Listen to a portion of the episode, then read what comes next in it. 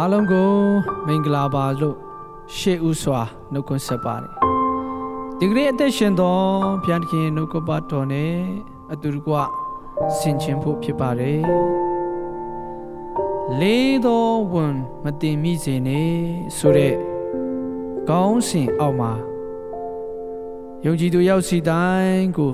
အားပေးချင်ပါတယ်ရှင်မသေးခရစ်ဝင်အခန်းကြီး23 အပိုင်ငယ်လေးကိုဖတ်ချင်ပါတယ်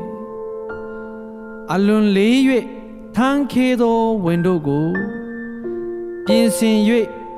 သူတပားပခုံးအပေါ်မှာတင်တက်ကြ၏ဒီနေ့ကျမ်းစာရဲ့အတိတ်ဘေကဘာကိုဆိုလိုတယ်လဲကျွန်တော်တို့ရဲ့အသက်တာထဲမှာသူတပားဒုက္ခရောက်ဖို့ယင်လေးသောဝန်ကို မတင်မိဖို့ရန်တတိထားရပါတယ်ကိုကိုကိုတိုင်းမလုတ်ပဲသူတပားအားခိုင်းတော်သူများမဖြစ်ဖို့ရန်လဲလိုပါတယ်စာနာတတ်တော်သူတနာတတ်တော်သူဖြစ်ရပါတယ်အတူတကွလှုပ်ဆောင်သူပုံတက်တည်ဖြစ်တော်သူ ဖြစ်ရပါမယ်ဒုက္ခရောက်စေလူသောစိတ်နဲ့သူတစ်ပါးကိုမခိုင်းတင်ပါဒါကြောင့်မို့ကျွန်တော်တို့ယုံကြည်သူအယောက်ချင်းစီတိုင်းလက်တွေ့အသက်တာထဲမှာသူတစ်ပါးအားဒုက္ခရောက်စေလူသောစန္ဒဖြင့်အလုတ်လုတ်ခိုင်းသူမဟုတ်ပဲအတူတကွလှုပ်ဆောင်ခြင်းဖြင့်အသက်ရှင်ဖို့ရန်အရေးကြီးပါတယ် ဒါကြောင့်မို့ယုံကြည်သူဓမ္မမိတ်ဆွေများအတွက်ကျွန်တော်အနေနဲ့ဒီကနေ့ဆုတောင်းပေးချင်ပါတယ်မြတ်သားတော်ရှင်ဖရာယုံကြည်သူအသက်တာထဲမှာ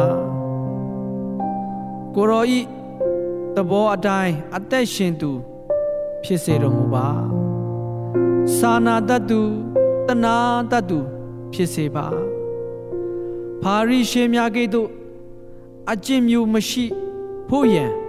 မာစာတော်မူပါလက်တော်ထဲမှာအနံပါတယ်ဂျေစုရှင်ဖျားကျွန်တော်တို့အသက်တာထဲမှာသူတစ်ပါးကိုမနိုင်ဝန်ထမ်းခိုင်းတော်သူမဖြစ်စေပဲသူတစ်ပါးကိုဝန်ပို့စေတော်သူဖြစ်စေတော်မူပါ ကိုရောဤအလိုတော်နှင့်အညီရှောက်လန်းတတ်စေပါကိုရောဤစိတ်တဘောနှင့်တွာလာတတ်သူဖြစ်စေပါလက်တော်ထဲမှာအနန္တေယေရှုခရစ်တော်နာမ၌ယူတည်စွာဆုတောင်းပါ၏အဖာအာမင်အယောင်ချင်းစီတိုင်းပေါ်မှာဘုရားသခင်ရဲ့မေတ္တာဂရုဏာခံစားရပါစေ။ Thank you.